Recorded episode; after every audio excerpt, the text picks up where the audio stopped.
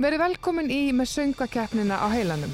Nú er komið að þessu. Á morgun, lögadag, mun koma í ljós hvaða fjögur eða fimm lög bítast um að verða framlag Íslands í Eurovision 2023 og spennan er svakaleg, enda afar sterk og óútreiknuleg keppni ár með frábærum lögum.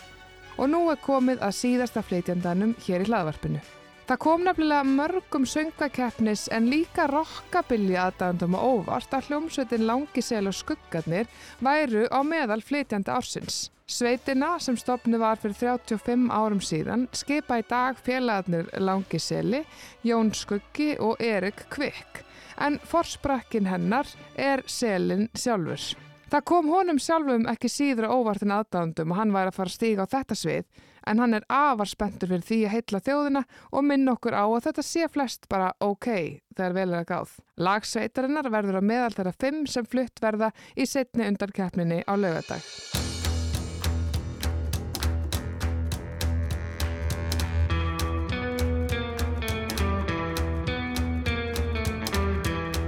Ég heiti Axel Hallkjell og er kallaði Langiseli og hljómsveitin er Langisel og Skuggarnir og við erum að fara að spila og syngja lagið OK. Ok, það er bara svo leiðis. Um, hérna, þetta er náttúrulega, sko, hljómsveitir stopnu einu ára eftir að ég fæðist. Það getur verið ef að 1988 ef ég er með réttar upplýsingar. Já, svona 86 til 8 voru Já, voru það svona byrjar að fykta. Já, já. Ok, hérna, ok, sko, nú ætlum ég að segja það mjög mikið til þess að koma því alveg inn í heilan af fólki. Þú ætti eftir að taka eftir hvað hún notar þetta orð mikið. Já, ég, nú ég er hann ótrúlega með þetta, sko. Hérna, segja mér núna bara aðeins, bara förum hérna aðeins tilbaka, hvað er þetta alveg upp? Ég er alveg upp í smáðbúðakörfinu, svona æsku, æsku árin og svo svona upp í breyðholti eitthvað aðeins, en uh, samt var ég einlega byrjar að vera bara meira nýri bæ þegar, ég, þegar við fluttum í breyðholti. Já, svona töffari. Varst það hangar hlemmi og svona? Uh, já, sko, það var einlega bara hressó meira. Jú, já. Já, Svona, svona kaffe og síkó. já, og sparki dós. Já, þetta. Hérna, varstu prakkari? Uh, mér fannst það ekki, en ég held ég sé einn um það. Já, já, það er einmitt, einmitt, er bara miskilinn kannski. Já, já.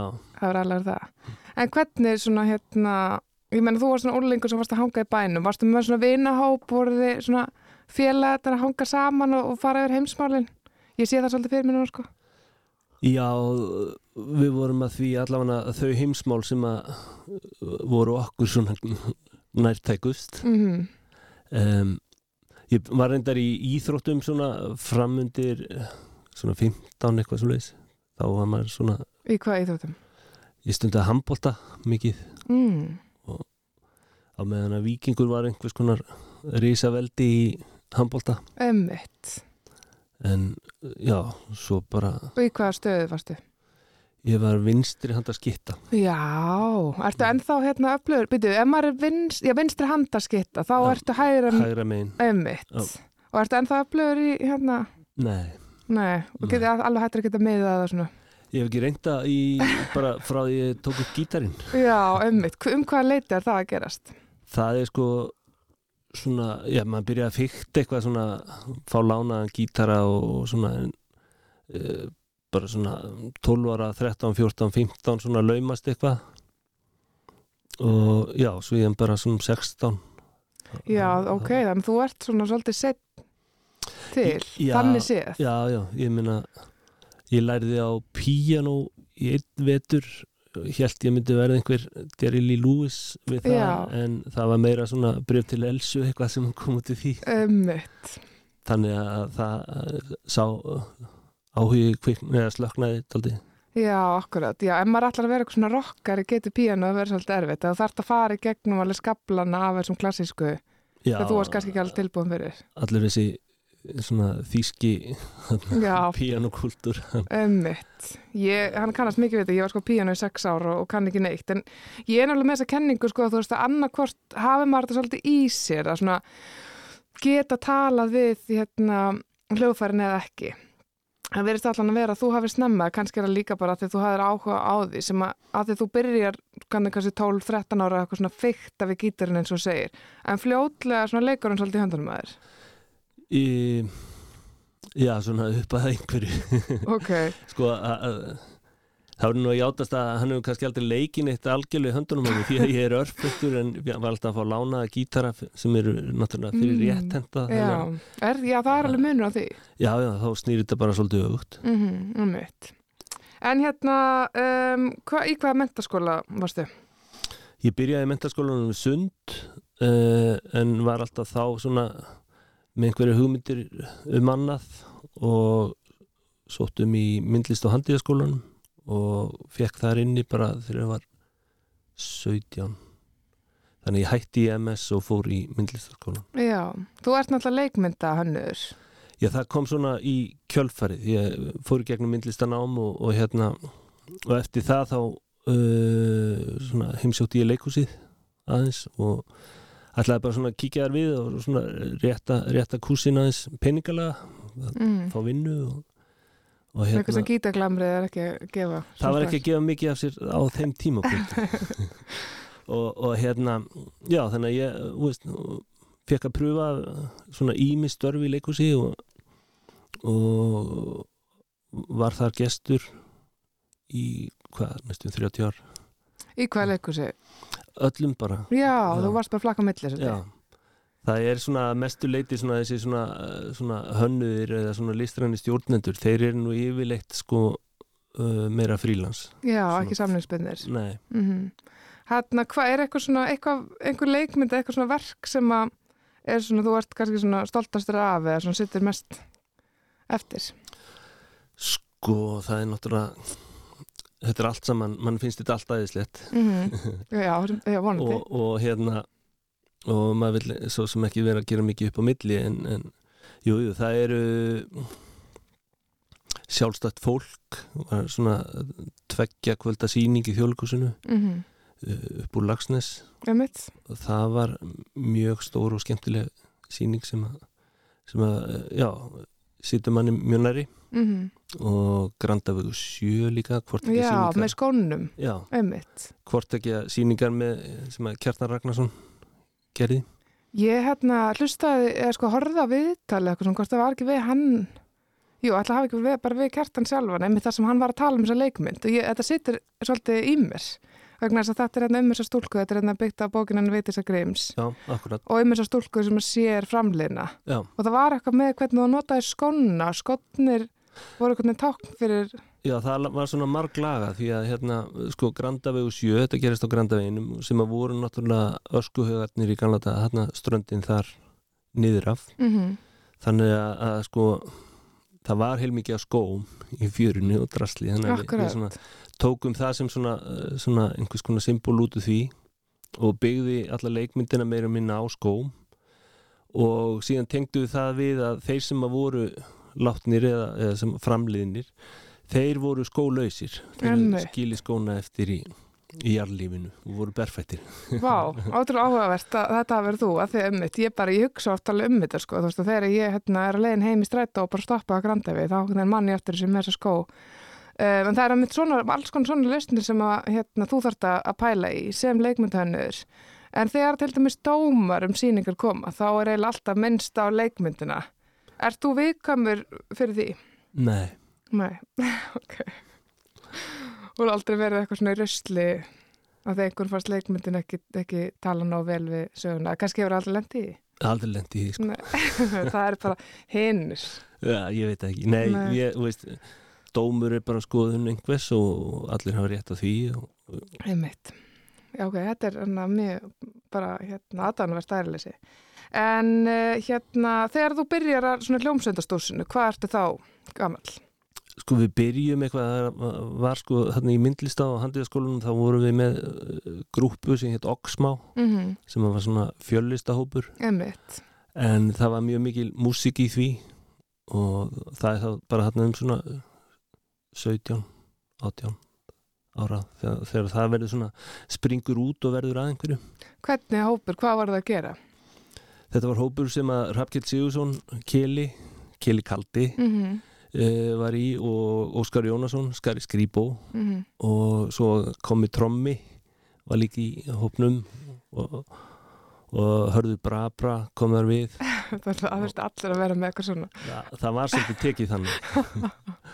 Og já, við vorum að gera bara alls konar hluti. Við vorum í kvikmyndagerð uh, performansum myndlistasýningum tónlist, rocksjóum. Þannig að bara það var ekki teilagt þannig Nei, og þetta vakti alveg en að tilverða aðtegli. Hvað var svona þín helsta, svona, í hverju fólust þínir styrkleikar í þessum hópi? Var það hérna bæðið svona, ég held að það nú verið svolítið sko uh, rock'n'rollið sko já, það, hvað, Já. hvað kemur þú sterkurinn? ég held að það hafi verið svona já, maður hafi svona kannski mest að segja þar mm Mhm. en við vorum náttúrulega þrýr, ég skar og Keli vorum í myndlaskólanum og, og, og hörðu líka og þannig að þetta var bara mikið samtal, eh, samtal ég. Mm og, og svona mjög kreatíft eh, svona kreatífi tími sko. Rockabilly er eitthvað svona sem að er oft minnst á í hérna samengi við þig. já, Hva, hérna, hérna, er það svona stimpill, hvað, svona hvernig verður rockabilly eitthvað svona hluti af, af þínu svona sjálfi svolítið? Það er uh, sko við erum á þessum tíma þegar við erum svona að móta, að móta okkar okkar svona stefnu og stíla þá er uh, mikið punk í gangi og, og við hrifumst mjög og ég hrifst mjög að punki. En svo svona samhliða því þá, þá er, er sko það verður mjög mikil svona tónlistasprengja á þessum tíma þar sem að allt í einu allt var leifilegt það var ekki svona uh, það var ekki svona, svona strömlinulega hvað, hvað var inn og Nei. hvað var ekki inn Ekki Þannig að- fyrir lýsi lengur. Nei og ekki sko disco bara Nei, nei, eða, eða bara sírurokk eitthvað það var svona Mhm. allt í hennu var reggi eh, reggi ska punk, new wave það voru alls konar svona stefnur og ströymar Mm að, sem að voru einhvern veginn allir rétt á þér í svona, eða svona höfðu, og höfðu náttúrulega bara áhrif á mismunandi einstaklinga. Og þar á meðal var, var svona þetta punkabilly og sem að var, mm. og sem að var kem frá Breitlandi og Bandaríkjunum líka eins og Stray Cats, þeir koma frá Bandaríkjunum. Og þetta voru bara the coolest gang in town einhvern veginn. Já, það var svona þeir, þeir saminuðu bæði eitthvað sem að mann fannst vera flott útlitt og svo í músikinni punki mjög reitt reyður í punkinu og maður getur ekki verið reyður alla daga með það er svolítið reyndandi. og þannig að þarna var komin uh, allt í hennu tónlist þessi svona uh, þetta neo-rockabilly sem að var með svona attitude uh, en samt gleði og svona Mm. danshæft beat eitthvað, það fór bara beint í kroppin á manni sko. Ömmitt, þannig það áttur svolítið við þig. já, Og hefur fyllt þér síðan. já Ömmitt. það er svona hefur alltaf verið einhvern veginn, ég hef ekki alltaf verið að gera rockabilly músík en, en hérna einhvern veginn eh, er alltaf einhvern veginn hægt að tengja samt Og nákvæmlega. Hérna, sko, eitt af því sem vakti ábygglega einna, eða vakti einna mest aðtegli þegar að tilkynnt var hverju var að taka þetta söngakeppninu var nafni ykkar af því það, svona fólk gátt ekki endilega að vona því. nei, Eh, ekki heldur Nei, akkurat, sem er bara hann er ótrúlega skemmtilegt. Ég hérna, fór í heimsók til fóreldra minna nýfur og var að segja að ég ætla að fara að spjalla við þig og, og það, þau, hann esptust alveg gífulega og mamma öskraði yfir sig hérna Kitty klára full í baði og byrjaði svo að spila lag og þau alveg bara svona klöknuðu og fóru eitthvað í svaka miklu nostalgíu. Hérna, getur þú sagt mér eitthvað svona hvaða tímabil þau er að vísa í og eru að upplifa? Sko Kitty Klára kemur er uh, úr smiðju Oxmá Mm sem er þannig fyrir það er þá svona 80 og sennilega 3-4 Þegar þið eru ungir í görninga já, mm það fylgdi því. Ummitt. Æ, menn það verður rosa hérna greinilega svolítið mikið svona hæp í kringum þetta. já, já, við vorum alveg að fylla, fylla staðið þar sem við vorum að spila og, og, og hérna og það hjálpaði líka að veist, það skemmt ekkit fyrir að, að, að það var mikið um aflita hár á þessum tíma og, Já, og svona skröðlega búninga ummitt. En svo verður verða langisel og skuggarnir til. Um hvaða leiti er það? Það er þetta eins og ég segi svona upp úr 86 Já, þá svona, akkurat. já, þá, þegar við vorum búnir með, með hérna myndlistanámið Jaskar og Keli mhm, þá svona splittaðist upp menn fóru, Skari fór í kvikmyndagerð og, og, og Keli fór í, í hérna, framhaldsnám til Hollands. Og ég fór í, í svona verknám í leikhúsunum. Mhm, þannig að, að, að og, og þá þurfti maður samt að hafa eitthvað með. Rockbakterían var náttúrulega er komin til að vera. Algjörlega, þannig að þá stofnaði ég skuggana upp úr einmitt. Og hvernig færðu hérna menn til liðs við þig?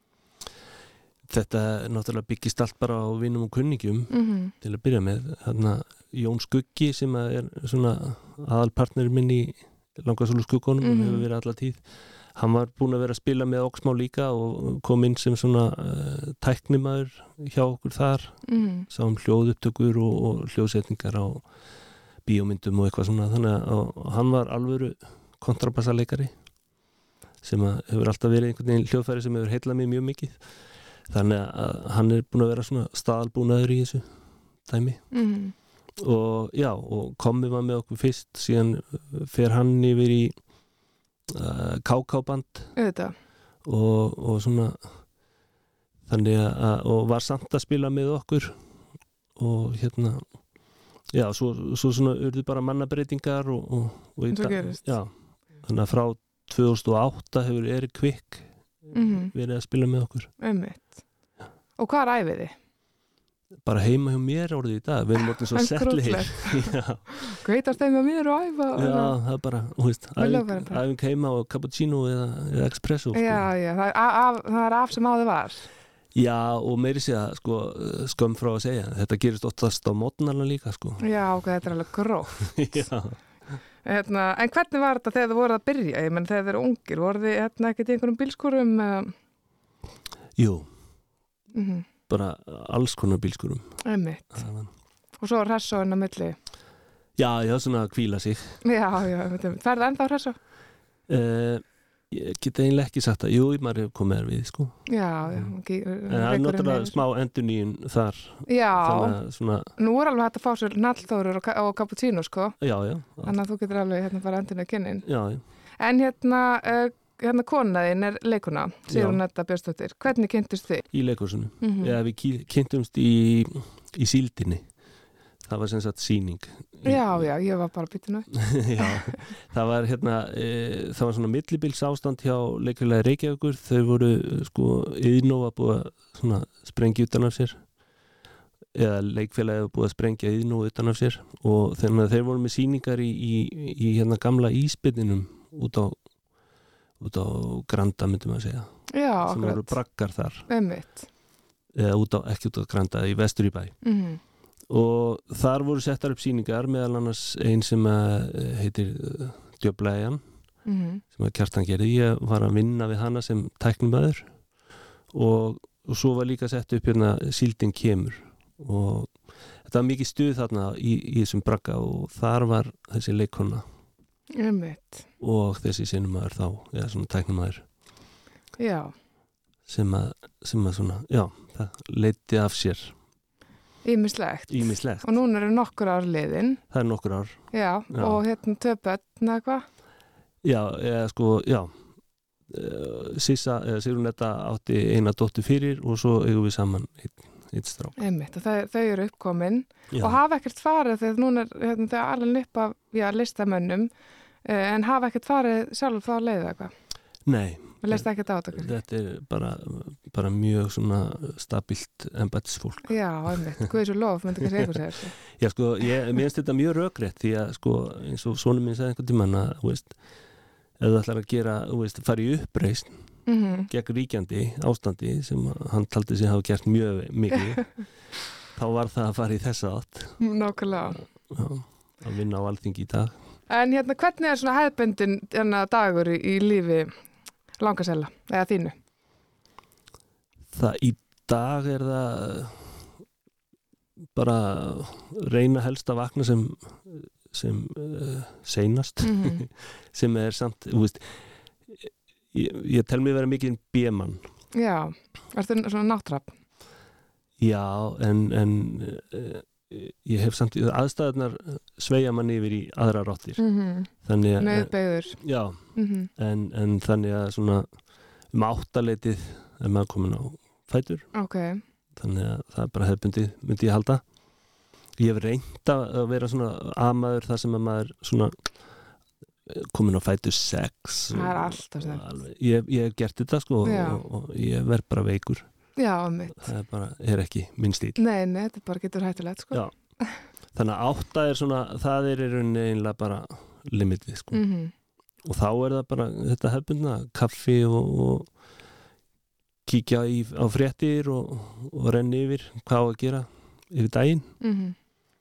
og svo svona um níu, millir níu og tíu þá er maður bara komin í í það verkefni sem að maður er að sinna. Mhm. uh, og sem svona hönnuður og í, það sem ég hef verið að gera þá er það mjög fjölbrött, þetta er yfirleitt alltaf stutt verkefni til þess að gera. Er svona, ef ég lendi í verkefni sem að tekur yfir ár þá finnst mér ég að vera bara æfir á þinn í eitthvað. Já. Þannig að það myndi, það myndi ekki henda þér að vera í svona hefbundinni 9-5 svona sami skrifbarstöllin ég bara veit það ekki Nei, þú Ég- aldrei ég hef prófað. aldrei pröfað nei, mitt það Ég er, sko- það er glæðislegt sko Já, nefnilega, já, mitt. En sko, já, ég nefnilega, þú veist, það, það er það, þessi óvissa sem að mér myndi finnast óþægileg, en þú hefur aldrei, það er svona, þú ert bara tilbúin í að leifa einhvern veginn lífin að leiða þig einhver óvænt ráttir. uh, já, nei, ég minna Já. auðvitað það, þar, er, þar er spennan Mhm, einmitt. það er svolítið sko auðvitað er það svona, svona praktíst svolítið stundum skrítið að vita ekkert hvað gerist eftir mánuð. Mhm, Já, það voru og eru veist, reikningar sem býða manns samt sko. Mhm, en, en svona með árónum þá er maður svona einhvern veginn eh, lært að þróa með sér að, að hérna treysta í að það komi eitthvað. Og svo hef ég alltaf svona í bakhandinni að ef ekkert kemur svona sem að er svona hönnunaverkefni eða eitthvað svona sem er, ég til að vera mitt forti þá, þá get ég alltaf farið að gera eitthvað annað sko já, já, akkurat, ég kann bæði að, smíða og mála og þá myndi ég bara fara í svo leiðis einmitt. Það er gott að hafa eitthvað svona plan B til að falla og til að skemmi, já, einmitt. En hérna, en þá bara að lokum, ég meina söngakeppnin, hvernig, sko, hvernig kemur þessi hugmynd bara til þín að hérna taka þátt í því? e, hún kom nú bara þannig til að hérna að Erik hann bara eh, stakk upp á þessu og við vorum bara óvenju eitthvað jákvæðir þennan Já. dag þegar þessi verið kom. það var eitthvað, eitthvað í loftinu. Já, þannig að við, við svona veist, ekki það að það sé ég er ekki minnina fordóma en eitthvað hvort þessari keppni hún hafði bara ekkert einhvern veginn verið í hugamanns að, að, að, að maður myndi einhvern veginn passa þar inn þannig. Mm uh, en svo þegar hugmyndin kemur að þá bara, já, akkur ekki pröfa það þannig að við tókum upp á síman eitt demo og, sendum inn og, og svo bara glimtu við því. Þangað til að, að Rúnar Freyr ringdi og tilkyn, tilkynnti okkur að, að, þetta hefði verið valið inn. Hvernig leist þér að blikuna þá? uh, það var alveg það, það kom svona smá uh, spurningamerki og, en, en bara spenntur. Mm Mér, það sem að sko þegar maður er 18 ára eða 16 ára eða eitthvað og horfir á þessa keppni eða þegar ég spóla aftur þá, þá kannski var hann ekkert sko hátt á nei. en, en hérna en þetta er samt sko það sem ég upplifi í dag er að veist, þetta er svo mikil fjölskyldu hátíð Já. og mér finnst það mjög skemmtilegt. Mm því að það er ef maður er að spila eða búið til eitthvað þá hérna, veist, er alltaf rosalega gaman að geta máta það í, á sem flesta staði -hmm. Nákvæmlega. og, og hérna bara, veist einhverju krakkar, veist, sex ára upp í, upp í átján þau er ekkert á einhverjum skemmtistöðum þar sem átjónara aldurtakmark og sjá mann aldrei eða heyra kannski aldrei hvað maður er að gera Mm þannig að það er bara mjög gaman að komast í á þetta svið Það er náttúrulega alltaf eitthvað, eitthvað eitt lag sem að hérna slæðir svona gegn hérna hjá leikskólanum sem að getur verið um, svona ágættis vísbending svona um hvað mun gerast og það sem ég hef heyrt og komið skemmtilega óvart var að, að börnin eru, eru líka að tengja við, hérna, við ykkur. Já, það er bara það alveg satt, ég, mm. ég, ég fengi vídeo Mhm. senda svona af þeim aðstæðum þar sem að krakkarnir er að syngja þetta lag. Einmitt. og maður bara klöknar næstu í Já, það er aðeinslegt. Uh, og svo er þetta með hérna aðdándur á öllum aldri og meðal annars hérna allan fóreldrar mína í líðunum sem að hafa verið aðdándur eitthvað bara frá sko alveg frá oxma á tímanum þannig að ég held að það sé alveg margir þar. En það er einmitt rosa oft talað um að þessi keppni sé svo frábær stökkpallur en þið þurftu ekki stökkpall? Já, samt sko, já og nei sko því að hérna við höfum samt ekkert verið áður á þessum slóðum. Nei, akkurat, þannig að, að þetta er stökkpallur inn á það. Einmitt. Og svo er, er náttúrulega það hafa orðið til nokkra kynnslóðir á þessum 35 árum sem, Mhm. sem hafa kannski ekki allar rataðan og bór til okkar. Einmitt. Þannig að það er stökkpallur til þess að gera. En þið myndum líka alveg sóma ykkur vel í hérna Liverpool með svona rockabilly bílingin, Já, sko, ég meina bítlarnir byrjuðu sem rockabilly nákvæmlega. Þannig að hérna, hver veit? Þetta getur verið skriðað stjórnum En hvernig leggst svona lögataskvöldi í þig? Er það spenntur? Já, mjög, Mhm. mjög svo. Ég, ég var hérna á, á síðasta lögadag og, og svona upplifa stemminguna og, og hérna þetta er alveg stórt, þetta er alveg mj- mjög skemmtileg stemming. Mm og hérna ég hlakka bara mjög mikið til að svona að kynna okkur Æðislegt. Eh, Langiseli, eh, ég hlakka mikið til að fylgjast með ykkur lögata en ég verði í salnum líka og það verður gaman að sjá OK lifna við á sviðinu og ég held að vera ekkert annað heldur en að minnst það kosti OK ef ekki eitthvað miklu meira. Takk innilega fyrir kíkja til mín. Takk fyrir mig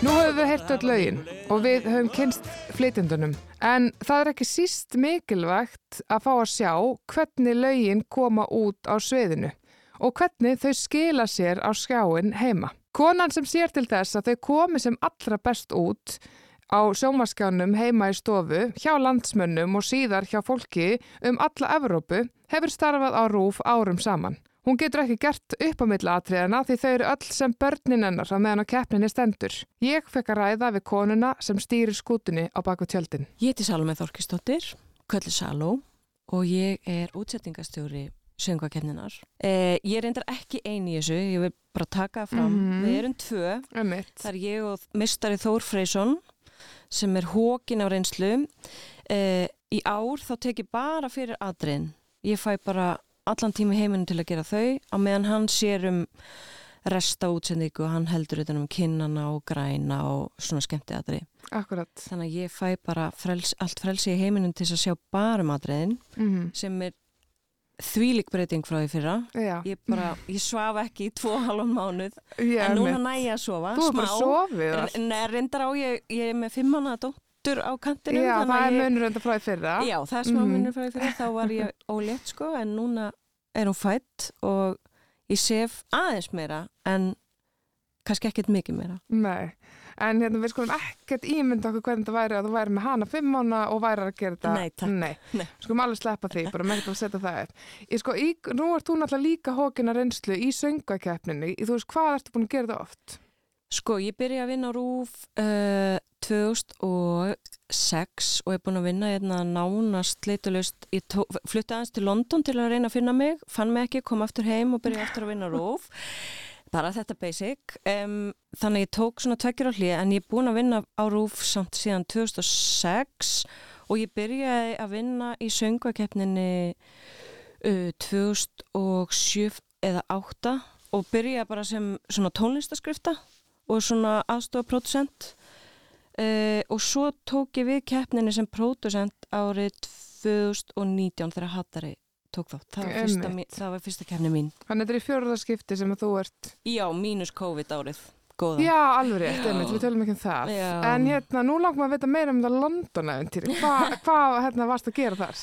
Æ, ég var bara eitthvað einhleip og að verða þrítug og, og hérna held að ég þyrfti að fara út fyrir landstinnuna til að reyna eitthvað að finna mig og svo það var ógeðslega gott fyrir mig þú veist að því London ertu bara eitthvað pínulíti baun sem hefur Já. engin áhrif á neitt einhvern Mhm. veginn og, og þú ert ekki neitt neitt og, og hérna hefur engin sambönd og þarft að sína þig og sanna vissulega gerir maður það líka hérna heima en þú veist, þú einhvern veginn þetta var svona hopp í djúpilaugina og al, maður var að hunda við allan tíman mm og hérna, það var alveg mjög holdt fyrir mann að gera það en svo bara tók heimþráðan við. Ég bara saknaði, þú veist, vinnanna og náttúrunar og Sást ekki fyrir að þú var svona að fara að ganga um strætin í rigningunni og hérna fara nokkur svona eitthvað svona dimma krá og skrifa eitthvað ljóð um lífið og... og drekka pint Já, og eitthvað svona, jú, Ég vona að þú var nú gert eitthvað þessu. Jú, jú, auðvitað. Mhm. en hérna, en svo bara tókaði Ísland alltaf aftur í mann og ég er mjög feina að koma aftur heim. Já, sér ekki eftir því? Nei. En ég menna, ertu að fara til Liverpool í vor? Já, Já, hvernig líst þér á það? Þú veist nú, þá ert þú nú svolítið svona smá á heimaslöðum Já, ég er mjög spennt sko, breytarnir náttúrulega þú veist, BBC í rauninni er að framlega þetta með úkrænumönnum að einhverju leiti uh, og þeir náttúrulega hafa alveg gert þrjusu sjó, þannig að ég er mjög spennt. Mhm. ég er búin að sjá sviðismyndina, hún er mjög flott. Hún er svona simpul en flott og það er Geðveikt. ég, hönnurinn sem gerir sviðismyndina hann hefur gert Grammys og eitthvað alls konar Brit Awards. Þú veist þannig að maður er að fara inn í svolítið próbransan, ekki það aðrir í Evropa séu ekki pró en þú veist þetta er alveg Bretland sko þeir, þeir kunni þetta alveg og ég er bara mjög spennt. Þú veist auðvitað er alveg leiðilegt að Úkraina hafa ekki fengið að halda sína keppni, þeir náttúrulega hafa gert það áður og kunna það. Mhm. og hérna þeir eru með eitthvað þeir, ég veit ekki hversu oft þeir hafa unnið Nei, einhver- og alltaf ofalega sko. Maður er, um, þú veist, á hverju ári þegar ég fer svona yfir listana því ég ger það alltaf um leið og það er ljóst hvað annar lög fara frá hverju landi þá fer maður svona inn á Spotify, inn á þessa miðla og fer yfir öll lögin og maður veit bara að þegar Já. þú heitir á Úgræni þá er það að fara að negla það Já. er eitthvað Það er, þarna. þeir eru, þeir eru kunna þessa uppskrift Já, akkurat kom manni alltaf smá óvart mm eh, hugsa út fyrir kassan sem að ég hérna, held að við Íslendingar séum svolítið á sömu leið og þeir. Við, svona, við erum svolítið að hugsa líka út fyrir kassan -hmm. hérna, við erum svona þórum að- senda ekki þessi klassísku Euro-poplög og keppnin hann heima er ekkert endilega eitthvað eitthvað svona klassísk forkeppni. Nei, einmitt, einmitt. Þó að ég elski Europoplög en hérna, við þórum líka alveg að taka sensinn og mm þú veist senda hatara út til dæmis og senda daða þó að náttúrulega Evropa elskaði daða og fattaði húmorinn hans alveg eins og við Íslendingar gerðum En ég minna, sko mín tilfinning og kannski er það ekki eitthvað sem þú getur kannski hérna svona talað um en mín tilfinning er að það sé alveg sérstaklega sterk undakefni í ár. sko þetta er náttúrulega bara ég er, verð svo samtönuð þessu. Já, einmitt, að ég veit ekki hvort að ég sé margtaka því ég Nei. bara held með öllum Mm frá dýfstu hjartarótum. Við erum náttúrulega búin að æfa og þróa atriðin síðan uh, við heldum fyrsta fund í desember. Og maður er einhvern veginn búin að fylgja þeim og sjá alla keppendur bara vaksa á dafna Mhm. og þú veist, maður bara byrjar að tengja við nánast alla og þú veist, þannig auðvitað heldur maður með öllum og maður, ég virkilega sé á eftir atriðum sem komast ekki áfram Einmitt. En ég menna, hvernig byrjar þetta, þú veist, þegar að, uh, það kemur til þín hérna listamæður sem er að fara að koma fram og þú, þarna setur þú á móti listamanni og kannski höfundi og einhverjum, einhverjum teimi Mhm. og það er lag. Mhm. Hvað er næsta skref? Sko, ferðlega er þannig að við fáum bara, hérna, e, við fáum lögin í hendurnar. E, ég hitti Lí sem er leikstjóri og dansöfundur í Mhm. ár, hitti alltaf leikstjóri og dansöfund, við hlustum yfir lægið, e, komum með einhverja hugmyndir af hvað við varum til í að gera. E, svo fundum við með atriðinu og stundum hafa þau síðan eigin sín og eigin hugmyndir og þá bara finnum við eitthvað milliveg sem við getum farið Mm -hmm. uh, eða þá að þau eru opinn fyrir öllu og til í okkar hugmyndir uh, svo hittu við listræna teimið okkar uh, sem er uh, ljósa hönnur, grafískur hönnur búningar uh, hára make-up uh, rattþjálfun hljóð uh, og svo ég og Lí. Uh, og við fundum bara um aðriðin allir komum með eitthvað input og þaðan tökum við þetta aftur til keppendana og svo svona þróast þetta bara svona, svo byrjum við að æfa í byrjun janúar þá líka gerist rosalega margt, þá sjáum við líka bara hvað er hægt, hvað treysta kepp, keppendur sér í og, og hvað geta þeir og hérna og þá kannski þróast það ennþá frekar og svo svona undir lo, eða svona í byrjun februar, miðjum februar þá er komin alveg svona frekar góð sína á hvernig atriðin eru Mhm. Þetta eru tíu atriði. Já, veist, að það að geta, gefa sér tíma einhvern veginn að leggja alúð við öll tíu atriðin, það lítur að vera svolítið svakalegt. jú, af því að við viljum uh, við viljum leggja nákvæmlega sömu vinnu og ást í öll lögin. Mm auðvitað erum við ekki að gera upp á milli neins. Þannig að hérna, Keppni alltaf hérna heima hefur verið að vaksa alveg rosalega. jú, við erum búin að stækka hann alveg freka mikið síðustu ár Mhm. núna er hún meira svo líka komin bara út fyrir landsteinina Einmitt. eh, margir erlendir aðlega sem að bara svona Eurofans sérstaklega Já. sem að bara fylgjast með keppninu eða heima Mm um, þannig að þetta er orðið miklu stærra og keppendur sjálfur finna fyrir því að um Já. leið og lögin eru gefin út þá allt í hennu bara byrja að banka upp á hjá þeim bara fullt af erlendum aðdáandum -hmm. þannig að þetta er þvílít plattform fyrir þau. Uh, bæði hérna heima og erlendis að koma sér að Nákvæmlega. og hérna við erum alltaf að reyna auðvitað horfum maður voða mikið til svíjana Já. þeir kunna svo mikið að gera þetta sko. Og hérna Melody Festivalin er náttúrulega bara stundum er hún líku við flottar en Eurovision keppnin sjálf sko. Er það ekki langstærsta fórkefnin? Jú, Mm þeir eru alveg lang, langstæstir í þessu og, og kunna þetta svíðarnir og Mhm. við horfum alveg mikið til þeirra hvernig þeir eru að þróa þetta og gera þetta og, og reynum að alltaf raskati að þeim þó við séum ekki alls ekki komin þanga ennþá en, en það styttist í það vonandi. -hmm. Sko þegar ég sé fyrir mér og hef svo hingað til sé fyrir mér þitt starf þá sé ég fyrir mér að þú sittir í einhver svona hægjendastól og bara með vimberöður með neskilur og sért eitthvað svona að gefa fólki skipanir og eitthvað. Svo komst það þegar ég fekk svona fara aðeins baksessi fyrir það. Þú situr út í einhverjum bíl Já, og ert eitthvað svona hérna fjórar klipp Já. og með hundra skái.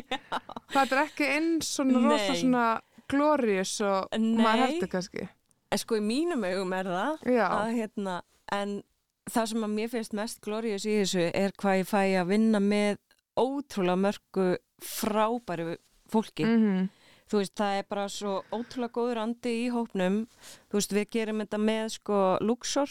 Þeir sjáum uh, ljós og sviðsmynd og hljóð í, í sal og útsettingu og hérna, það eru bara svo miklu toppmenn þar og svo eru Pálmi og Unnar minn með grafíkina og þeir eru algjörir, algjörir snillingar og þú veist, ég þú er ekki að byrja nefna um nefna því það eru svo margir sem Nei, koma nei, að þessu einmitt. en bara þegar maður er einhvern veginn er með svona marga frábæri kringu sig þá er þetta svo dásamlega vinna -hmm.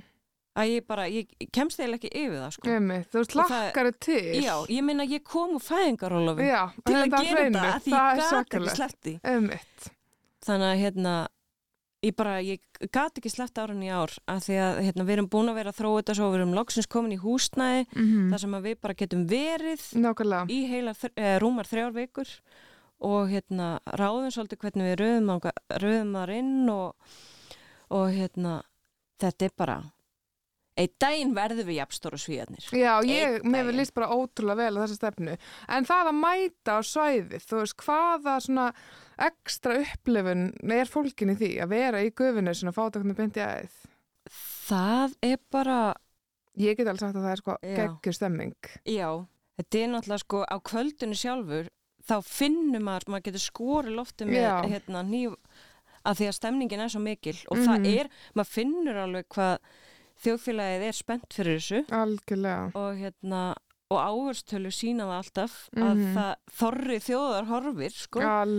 Og það er í raunin markmiðið að þetta sé bara gott, bara góð skemmtun fyrir fjölskylduna. Mm þar sem allir geta einhvern veginn fundið sitt og valið sitt og, og hérna, og þú veist all, þau fá að kjósa sitt framlag það er líka svo mikilvægt. Emmitt, já, emmitt, það var einhver sem talaði um þetta um undan við mig að hérna, þarna eru margir krakkar svona að nýta sinna Já. þetta fyrir skipti. já, nákvæmlega, um að einmitt. gera að byrja að þjálfa því því. Nákvæmlega, já, líðræði. og við, við sáum það vissulega síðasta lögadag að hvert atkvæði skiptir máli. Það munaði tveimur atkvæðum á öðru og seti og við höfum alveg séð svona tölur áður það reyndar hefur aldrei verið svona mjótt á Emmitt. en þannig að, hérna, þannig að hvert atkvæði skiptir máli Það er Rúf stjörnur appið, eh, það er að taka upp tóli og það er að senda SMS. Já. Uh, hvernig er tilfinningin hjá þér venjulega eftir úrslitin, svona að lenda, þú veist? Ég er náttúrulega bara uh, sko, ég viðkynni það á, eftir laugadaginn, ég var eins og sprungin bladra. Já, ég get að límda með það. Það hérna það svona einhvern veginn var búin að vera, vera svo mikill asi, þú veist, að því við erum í uppsetningunni og koma öllu fyrir og gera og græja þannig að það voru svona tvær mjög busy vikur og ég var á sunnudaginn eins og sprungin bladra en núna, en svo bara strax eftir mánudaginn það var bara kollab og kaffi og Já. bara go go go Einmitt. og hérna um, þannig að því eftir úrslitin þá einhvern veginn við þurfum að skila á okkur öllum upplýsingum fyrir Eurovision Já, bara nokkrum dögum eftir ok. þannig að í rauninni En þú ert ekki að fara í freyði bara að púsla? Nei. í rauninni þurfum við sko mögulega að funda með atriðinu með vinningsögunum bara strax á sunnudeginum Vá, það er rosalegt. Já, sunnudegi, mánudegi og hérna bara fara og gera og græja og þróa og skila öllu út e, fyrir stóru kemnina þannig að hérna ég lendi kannski bara eitthvað tíman í mass Já, já, við bara sjáum til með það. Uh, einmitt, þegar þú segir eitthvað svona við fundum atriðinu sunnudeginu og svo ótrúlega magna hvað er eitthvað engin leið að sjá fyrir sér. Hverjir er að vera í Nei. því sæti? Nei, Þetta, Þetta er, er- ótrúlega er spennandi. mjög spennandi Mhm. ég er mjög spennt fyrir úrslitunum og hérna og eins og ég segi, ég bara, þú veist þetta er ógislega erfitt einhvern veginn að sjá ekki öll börnin sín fara áfram. Mm þú veist, þetta er nánast eins og börnum get atriði, þannig, að, hérna, þannig að maður grætur þau sem komast ekki áfram en, en þá, hérna, það sama hver tekur þetta, þá verður hann stolt okkar og Ég bara veit það fyrir vist. Já. Hver einasti keppandi ár myndi ég algjörlega geta fyllt að baki við Já. og hérna, veit að myndi standa sig, mun standa sig frábælega út í Liverpool. algjörlega. Uh, en svo þegar þú ert búin að fylgja öllum þessum börnum í gegnum þetta getur þú fara að sinna uh, fimmana börninu Jú, þínu. Takk Sal og innilega fyrir að kíkja á mig og ég hlakka til að sjá það lögðin. Nei, takk sem leys Þá er það ekki fleira sinni. Við heyrumst aftur í næstu viku þegar lögin fjögur eða fimm hafa verið valin og þá rýnum við í lögin og spáum í spilin. Heyrumst þá.